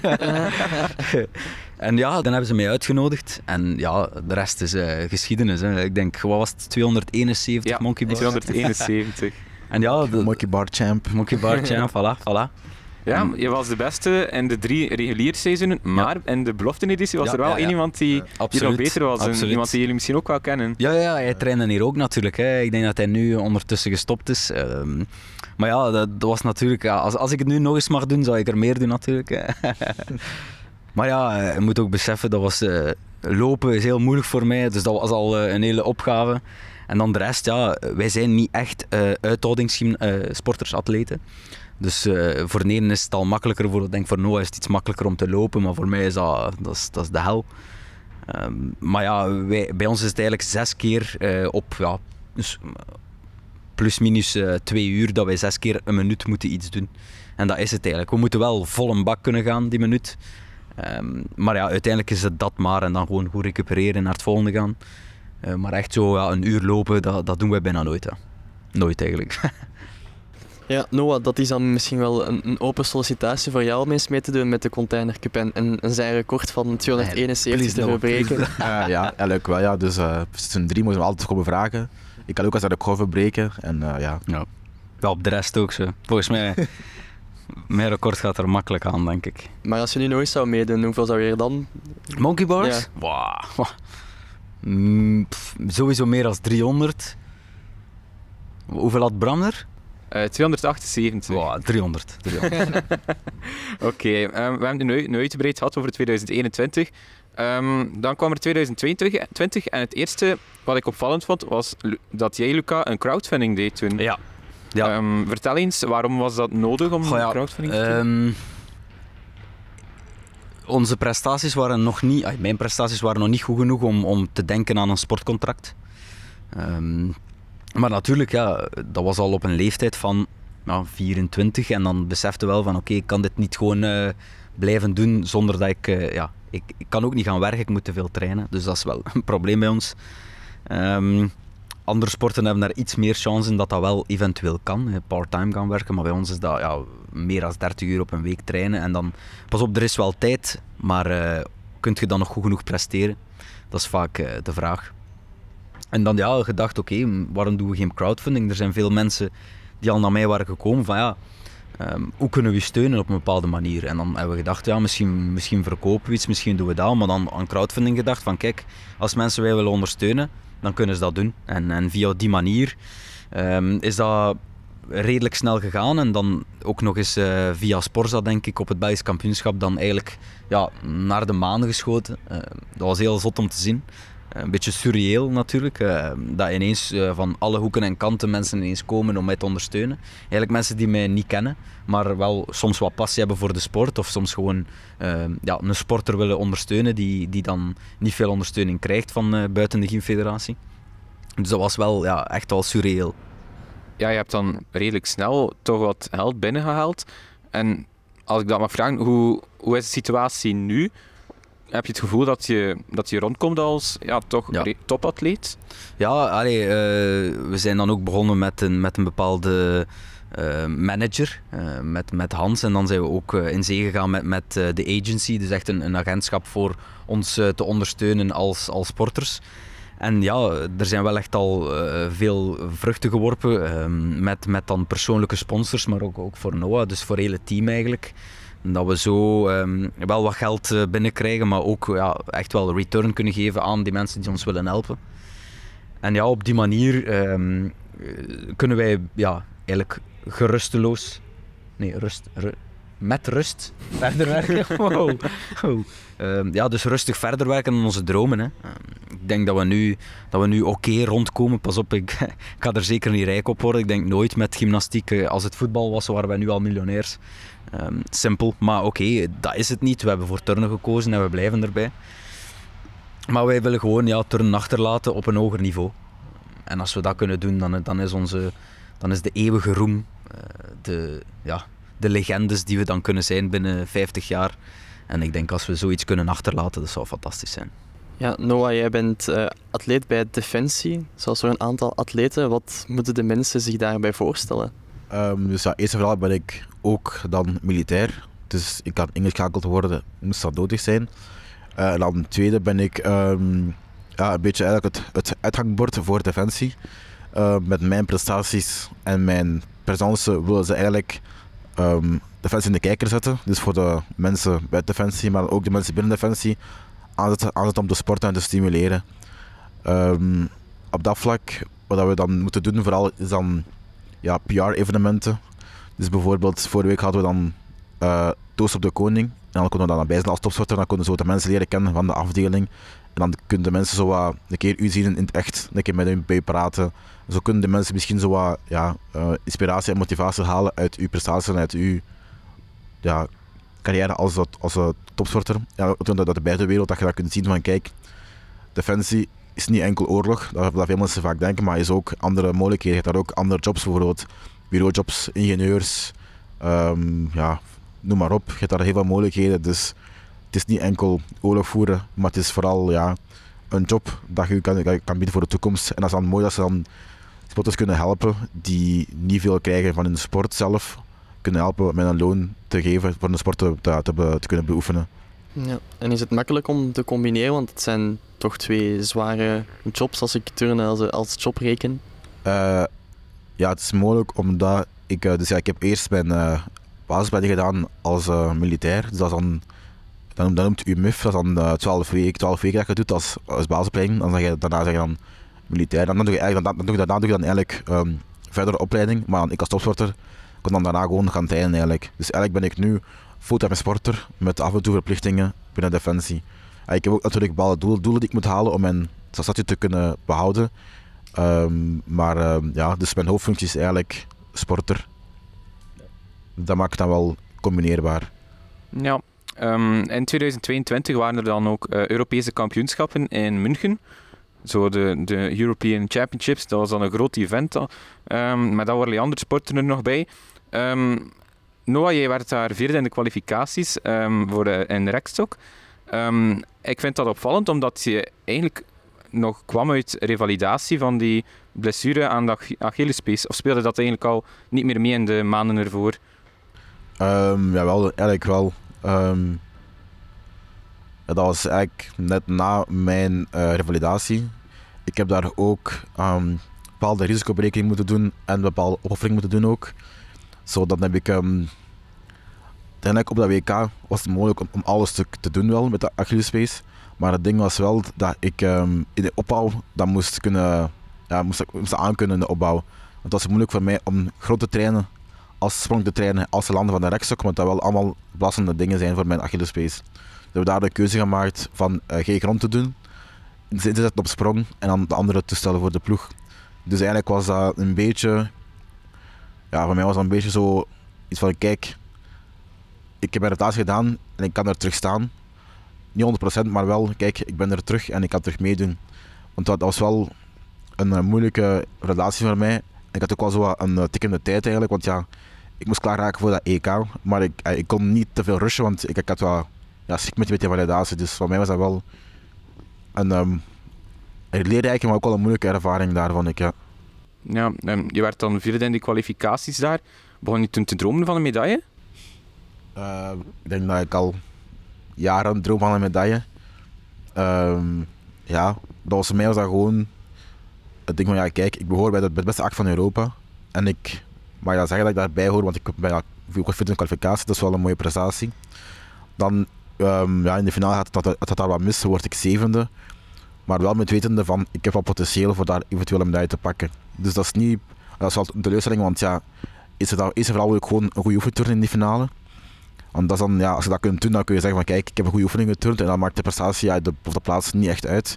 Maar als je dan weet van ah, het is misgegaan en daardoor word ik zoals zevende, is dat een beetje, een beetje zuur, vind ik. Ja, Luca, hoe kijk jij naar de prestaties van, van Noah op dat toernooi na zijn blessure? Heel straf eigenlijk. Ehm, als je bekijkt, oké, okay, eh, na zijn blessure had je hoe lang ongeveer? Um, tot, het, tot het EK, dus dat was van. Ja, niet zo heel lang, denk drie, max vier maanden of zo. Ja, vier maanden. Dus, allee, je moet beseffen, ja, tegen de meeste mensen zeggen ze oké, okay, Achillespees, en dan is dat zo van zes maanden en dan zal het wel weer oké zijn. Um, en dan probeert je eigenlijk op een superkorte periode niet alleen terug gerevalideerd te zijn, maar ook echt zotte dingen te doen. En, en oké, ja, dan is het heel vaak, dat was echt bijna elke training voor hem, en ja, de coaches, dokters, um, wikken en wegen van oké, welke stap gaan we nu nemen? Oké, okay, iets, meer, iets meer last. Een dag daarna, oké, stapje terug, stapje verder. Dus het, was heel vaak, vaak uh, stapje terug, twee stappen verder, maar dan misschien ook een keer vijf stappen terug. Allee, dus heel zwaar voor hem, je zag dat ook. Um, maar er is gewoon een, een, een, heel groot verschil tussen echt die, die vastberadenheid van Noah. Um, om, om iets te bereiken en dan zie je gewoon, uh, dan kan het bijna niet misgaan dat hij daar naartoe geraakt. Oké, of, of dat hij daar kan presteren, dat is, dat is altijd een vraag bij gymnastiek. Uh, misschien had hij daar totaal de mist in gegaan, maar dan weet hij wel dat hij, dat, dat, dat hij het heeft geprobeerd. Um, maar ja, dan, dan weet je gewoon, die kwalificatie die was fantastisch. Wordt hij daar vierde en dan, dan ziet je gewoon, oké, dat, dat zijn wel echt al die dagen afgezien. En dan mocht je op die finale staan. En, uh, ik denk, voor, voor mij was die finale uh, van Noah Rekstok de, de eerste echte finale voor hem. Die eerste finale op dat EK 2019, 18. Dat was meer zo van oké, okay, uh, je zit in die finale, Europees. Um, nu is het niveau nog hoger. Dus eigenlijk, dit, dit EK was veel zotter dan het EK toen. Uh, en toch hoort, hij daar nog altijd heel makkelijk bij zelf. En dan oké, klein foutje um, in de finale. Maar ja, je weet gewoon dat hij zeker bij de top 8 hoort. Al, al is het niet top 5, top 4, top 3. Ja. En ik denk dat je gewoon uh, vooral dag op dag dat moet bekijken. En niemand kan dat behalve de gymnasten die in de zaal zijn en de coaches. Uh, maar dan weet je gewoon dat er, dat er een succesvol verhaal achter zit. Uh, en ja, wij stellen eigenlijk nooit de vraag van gaan Noah nog, nog veel bereiken of, of kunnen we veel bereiken met het team. Het is gewoon bijna vanzelfsprekend als we zo verder kunnen trainen. En dat is bij Noah ja, een, een van de, de pilaren van ons team. Als het niet de pilaar is. Eh, om op te steunen als, als je ziet, oké, ik heb een mindere dag. Dan kun je altijd wel naar Noah kijken.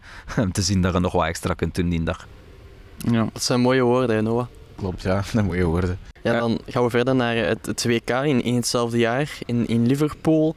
Noah, want jij zat met twijfels richting dat WK, want je had last van, van twisties. Wat is, wat is dat precies? Klopt, ja. Ik had daar wel last aan de rekstok van uh, ja, een blokkade. Um, wat veel mensen eigenlijk niet weten, is dat er eigenlijk al van voor dat EK een probleem was. Dus um, voor dat EK was het ook al een probleem. Daar heb ik, ik een uh, lange periode gehad om dat te kunnen op te bouwen.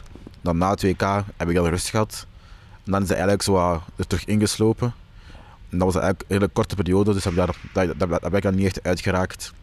Ehm, dan na de WK heb ik dan wel samengezeten met een bepaalde psycholoog die dan wel op, op, heeft gewerkt. Dat heeft wel geholpen. Maar ehm voor mij was dat...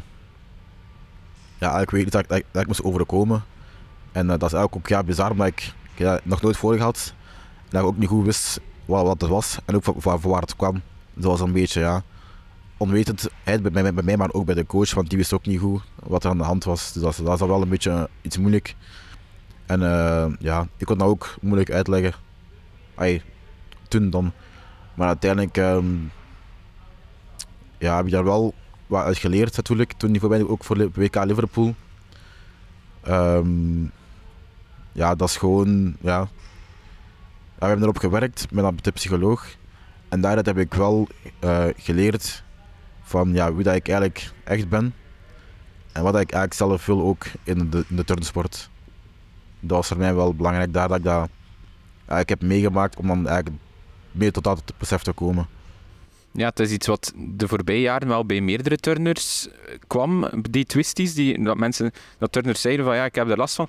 Is het iets die nu de laatste jaren er meer is? Of is het iets die eerder meer benoemd kan worden? Ik denk eerder meer kan benoemd worden. Ehm, ik zelf noem het niet als een twist is. Ehm, ik zelf noem het als ehm, ja, twijfeling. Ik denk dat het gewoon door zijn basis op de Olympische Spelen, als iemand zo groot daarvoor kan uitkomen en dat kan zeggen van ik heb daar problemen mee, dan zetten we wat deuren open voor andere mensen om dat ook te kunnen uitspreken, die problemen. En misschien ook je nadenken van, ah, misschien heb ik geen bang, maar is er gewoon een dieperliggend probleem waardoor dat ik dat element niet kan of niet meer, niet meer durf.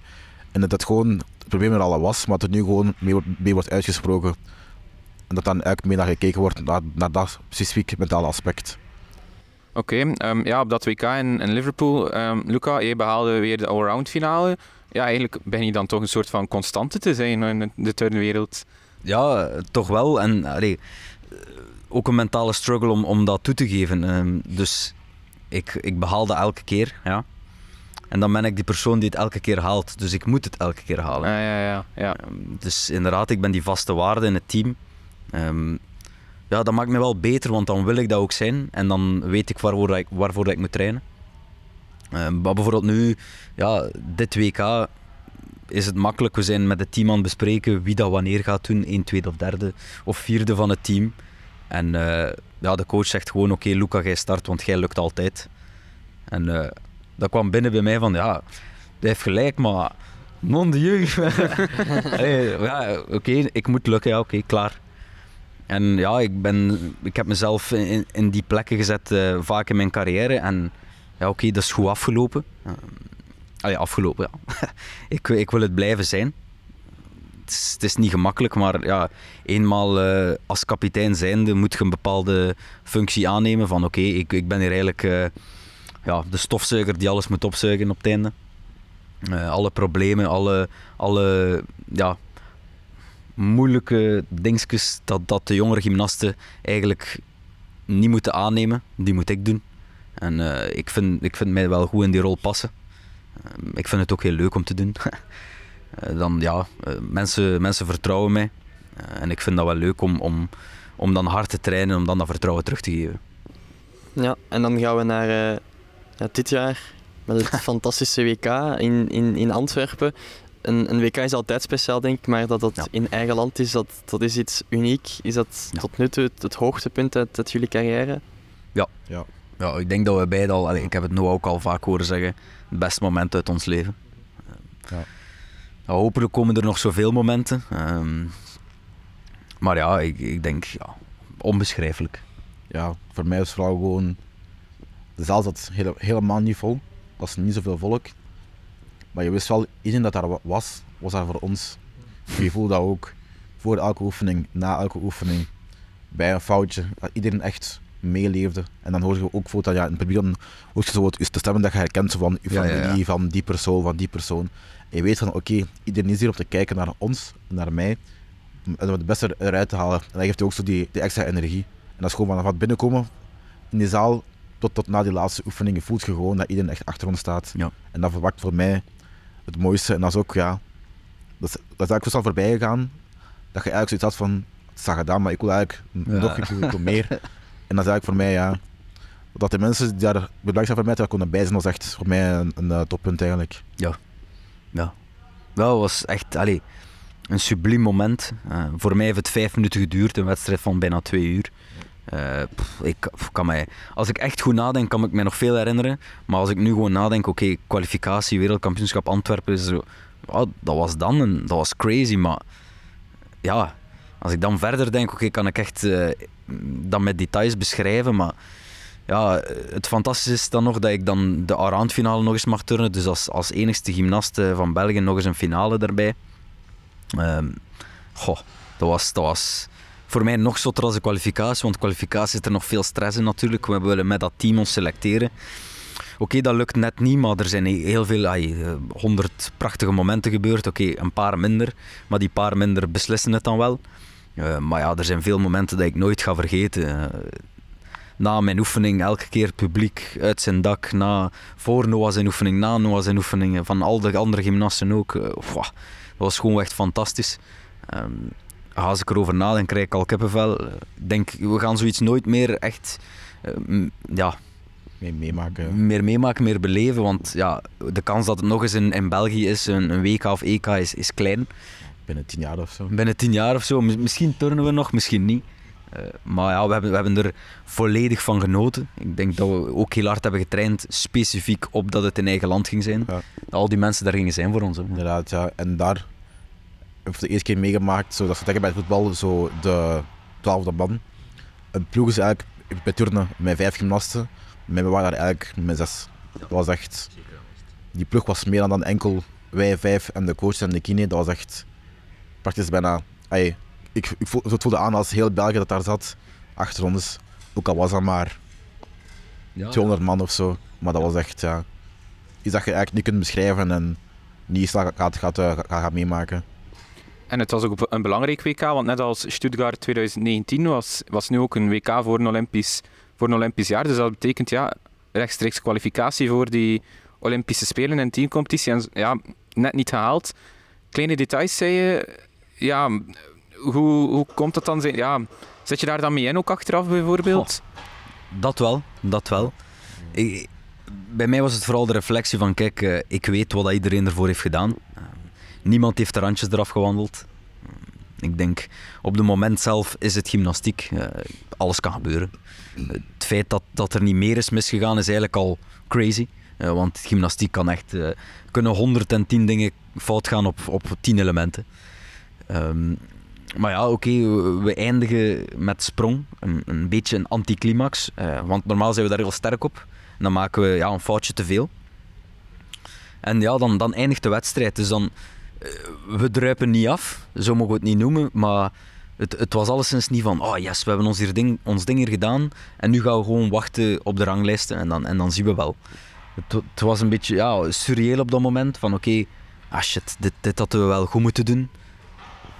En dat was dan niet zo, oké. En dan gaan we verder en dan, dan met de tijd komen we te weten, oké, we zijn eh, vijftiende geworden met team.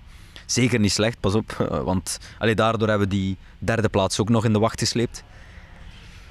Eh, maar ja, allee, ik denk dat dat iets wat ik nooit ga vergeten is. Ja, het gaat vooral, het gaat vooral om de kleine details in turnen. Ehm, ja, inderdaad, wat ik al zegt, iedereen heeft gedaan wat hij kon. En het is niet bijvoorbeeld van uw schuld of uw schuld. Nee, iedereen heeft zijn werk erin gestoken. Het is jammer genoeg, ja, de kleine details die hem net niet maken. Maar weet wel dat we echt een sterke ploeg hebben en dat we dat wel, eh, dat, dat wel, dat wel kunnen. Want ik had ook het gevoel bij deze wedstrijd dat iedereen, iedereen was er klaar voor. En ik had, ik had echt vertrouwen in iedereen. En ook bij mijzelf was de stress ook veel lager. Want ik nog in Stuttgart 2019, zeker aan een paar dat ik moest beginnen. Ik begon en ik kon bijna niet meer steunen met mijn arm van de stress.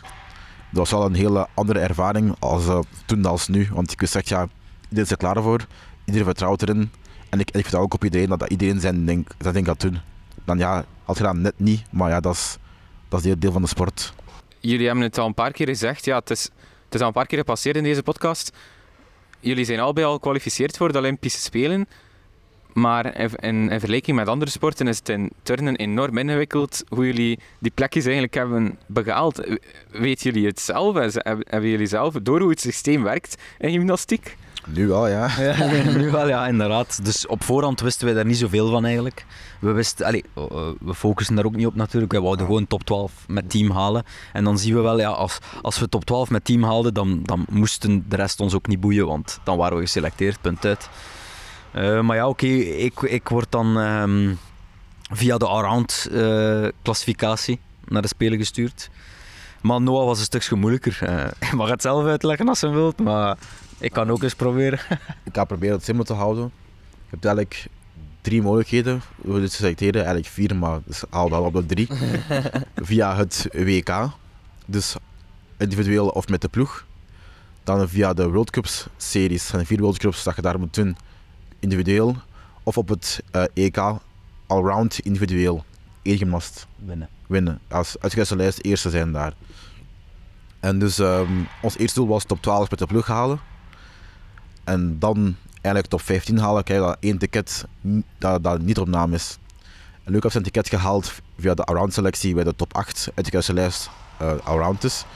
En uh, je kunt ook dus per toestel een ticket uh, binnenhalen. Maar dat ticket wordt verdeeld in de finales. Behalve als alle finalisten al zijn gekwalificeerd voor de spelen via een ploeg of via Allround. Dan gaat er gewoon de, de lijst af en dan is de eerstvolgende in die lijst geselecteerd. En ik was die eerstvolgende aan brug. Dus dat is in mijn ogen simpel uitgelegd. Ja, maar als ik het goed begreep, mag je dan wel deelnemen aan alle toestel, uh, ja, toestellen klopt, ja. in dus Parijs. Dan selecteer je dan eigenlijk je petplaats zeg maar, binnenhalen. Dan zeg je eigenlijk vrij wat te doen wat je wilt daar. Dus ik kan dan ik kan allround doen, ik kan vijf doen, ik kan vier, ik kan één doen. Dus ja, ik kan kiezen. Ja, en als ik het goed heb begrepen, is er dan nog een derde ticket ook? Ja. Ja, klopt, ja. En um, hoe wordt dat dan bepaald, wie dat dan wordt? Dat zal via selectietesten gebeuren. Ah, dus okay. uh, kort voor, voor de Spelen, allee, kort, dat zal een, een drie maanden voorhand beginnen. Uh, waarbij dat er dan gewoon interne selectietesten zullen gebeuren. Uh, en ja, simpel, de beste die gaat. De gymnast die het meeste kans heeft op, ja, in eerste plek zal dan medailles zijn. Tweede plek finales. En dan, ja, de derde plek is gewoon ja, de eerstvolgende beste. Hopelijk zal het gaan over uh, medailles. Uh, die dat mogelijk zijn om te halen door de derde gymnast. En ja, het, het, wordt uitgedeeld tussen ja, een, een, een vijftal gymnasten. Het, het, kan meer gymnasten zijn, maar er zijn veel gymnasten die als puntje bij paaltje komt nog te jong zijn om naar de Spelen te gaan. Of ja, nog een niveau niet hebben. Ja, die nog niet hebben. Maar er zijn er ja, zeker vijf die dat niveau zeker wel hebben. En ja, dus één van die vijf zal gaan. En voor jullie is het dan al meer rustig opbouwen richting Parijs? Niet meer die druk om nog Ja. te, te strijden tussen, tegen elkaar voor dat, eh, dat Ehm, plekje? Ja, dat wel. Dus het wordt dan inderdaad minder stress voor toch te selecteren. Maar ik vind het wel goed bijvoorbeeld dat dan die vijf gymnasten ook kan uh, battelen voor dat ticket. Want dan zeg je eigenlijk terug als een team bezig naar dat doel. Ook al ga je niet als een team naar, naar dat toe, zijn we wel uh, samen aan het trainen natuurlijk als een team. Als oefeningen draaien, wedstrijden doen, uh, cardio doen, afzien, kracht doen. Alles aan doen om dat, doel te bereiken. Dat vind ik wel het positieve daaraan. Um, en voor ons natuurlijk, ja, het mooie nu natuurlijk is dat, dat we uh, ons niet meer echt moeten selecteren. Maar het blijft wel jammer dat we niet met de volle ploeg kunnen gaan naar de Spelen, dat wel. Ja, het, het mannenteam presteerde op, op de 2K zelfs, zelfs beter dan het vrouwenteam. Dat is iets wat we ons een aantal jaar geleden niet konden voorstellen. Van waar komt die, die, die progressie bij de mannen opeens? Oh ja, we hebben het al vaak gezegd, hè, gewoon van de progressie echt de laatste ja, zes, zeven jaar. Dat we, dat we gewoon een, een, een totale ommekeer hebben gedaan in onze cultuur. Is dat we echt naar een, naar een topsportcultuur zijn gegaan. Echt naar, naar een heel team creëren die echt wilt presteren en, en hoog wilt eindigen in, in de rankingen. En uh, ik denk gewoon dat dat, zijn... Dat zijn de vruchten die afgeworpen zijn door dat, zes jaar hard werk uh, van, van iedereen. Niet alleen van de gymnasten. Ik denk vooral dat ook is zo de gezonde concurrentie. Want ik, vind dat, ik, voel, het nu ook al als zo de jongere gymnasten zo zeggen van ja, ik kan ook naar ploeg, die ploeg komen en ik ga beter doen dan, dan jullie gedaan hebben. En dat is het mooie daaraan. Van dan zeg ik van inderdaad, probeer maar. Want ik ben nu beter als u. Maar jij moet eigenlijk beter worden als mij. Dus doe maar je best om in de ploeg te komen en beter doen dan wij gedaan hebben. En zo kun je eigenlijk elkaar omhoog tillen. Zo opboksen tegen elkaar en elkaar beter maken. Dat is hetgeen wat de laatste jaren gebeurt en hetgeen wat de laatste jaren ons ook allemaal beter heeft gemaakt. Dus er zijn ook meer sterke talenten aan het komen, ook bij de mannen? Ja, Zeker en vast, zeker en vast. En ja, eh, het punt is gewoon dat ik wil uit het team geturnd worden. Punt uit. Dus ik ga absoluut mijn best doen, maar ik wil uit het team geturnd worden. Zodat er nog beter gymnasten aan de start kunnen komen en dat we nog beter kunnen presteren. Ja, hebben jullie al nagedacht over hoe lang jullie het willen doen, gymnastiek? Ja, eh, bij mij is het iets uh, ja, dichter bij, bij misschien het einde van mijn carrière dan, dan bij Noah. Maar ja, zolang dat het lichaam het toelaat, dat uh, de financiële situatie het toelaat, wil ik blijven turnen. Um, hoe lang dat dan is, dat, dat weet ik niet. Dat is niet waar, ik ga stoppen naar Parijs. Hopelijk niet. nee, nee ja, bij mij is het denk ik sowieso wel tot uh, LA 2028. Uh, en daarna is dat te zien, um, ja, heb ik nog altijd financiële ondersteuning en kan me nog altijd aan om op dat niveau te, te sporten, te turnen. Dus ja. zeker nog vijf jaar en daarna zien we wel nog wat de toekomst brengt. Ja, Parijs is niet ver, maar LA is ook niet ver. ja, voilà. Wat vinden jullie eigenlijk als, uh, van Parijs als, als locatie voor uh, de Spelen? Heel tof. Ik vind het e-, echt een wereldstad en het is niet ver. Ik denk dat dat vooral een is wat, wat wij belangrijk vinden, is dat we, ja, dat we eventueel terug kunnen komen. Um, en ja, we mogen daar niet heel de Olympische Spelen zijn, dus het zal, wij moeten de eerste dag al turnen. Onze kwalificatie is de eerste dag van de Olympische Spelen. En wij moeten eigenlijk eh, een dag of drie later sowieso weg. Uh, uit het Olympisch dorp. Als je geen finales hebt. Als je geen finales hebt, dus, dus, dus de kwalificatie en dan even. Dus als de wedstrijd gedaan is, als je niets meer moet doen, moet je weg. Uh, omdat er niet genoeg plaatsen zijn natuurlijk. Parijs is niet uh, al te groot om ik weet niet hoeveel uh, sporters daar te hebben. Maar we kunnen wel terugkomen. het is maar bijna drie uur rijden. Oké, okay, we kunnen met de trein komen. En we komen sowieso terug voor de sluitingsceremonie. Ja. Voor mij is het ook wel inderdaad... Het is wel dubbel. Het is niet Tokio, gelijk vorige keer. Maar het is wel dichtbij dat veel mensen kunnen komen kijken. Dus dat vooral, ja. vind ik wel tof. Want gelijk ook in Antwerpen, dat is ja, in de dagen zelf, zou kunnen veel mensen komen kijken. En dan heb je wel zo die extra, extra steun van, van, het publiek. En uh, ja, nu is dat ook dichtbij, dus gaat ook sowieso wel veel fans hebben die dan gaan komen kijken in Parijs. Dus dat gaat ook wel tof zijn, denk ik. Ja, uh, we zijn ondertussen op uh, ja, zo'n acht maanden van die Olympische Spelen. Um, ja, er worden ook allerlei meer details duidelijk. Onder andere ook de outfits, die zijn ja. uh, niet zo lang geleden ja. voorgesteld. ja, Luca, jij was daarbij bij die, bij die voorstelling als een van de modellen. Uh, ja, ja, ja, ja. Um, ja, wat vinden jullie zelf van de outfits die zijn uh, voorgesteld? Maar ik vind het heel mooi. Ik vind het heel mooi. Ik denk dat er, er waren wel wat twijfels van veel atleten over de witte broeken. Om, ja, wit is wit natuurlijk. Hè. Uh, snel vuil. maar ja, ik vind het fantastisch. Ik vind het een klein beetje een retro vibe. Um, maar ja, het, het is, ik vind de half zipper die ik aan had op de catwalk ook, ook heel tof. Um, dus ja, nee, ja. Maar ik, ik had ook uh, in slechte kleren willen lopen, dus bon. hey Noah? Uh, maar dat Lucas zegt inderdaad, het is wat een uh, retro vibe. Dat vind ik wel cool. Dat komt ook wel terug, zo dat, dat retro zo van, van vroeger. Dat. Maar voor mij is het vooral gewoon nice om zo dat te dragen, zo die t-shirt met zo Team Belgium. Dat, dat maakt wel zo echt zo officieel. Dat is niet gewoon zo... Gelijk, we, we hebben een Tour zo Belgium, dat is echt zo Team Belgium. Dat is wel zo... Dat geeft ze wel dat, dat extraatje, vind ik zo. Ja. Iets om zo extra tot op te, te, te kunnen zijn. Ja. Ja, het is echt wel een merk geworden de voorbije jaren. Team Belgium. Ja. Als, ja, om daar deel uit van te maken, ja, is wel iets speciaals, neem ik aan. Ja, inderdaad. Ja. Like, ja, we hebben het ook met onze ploeg. Dat is zo een familie.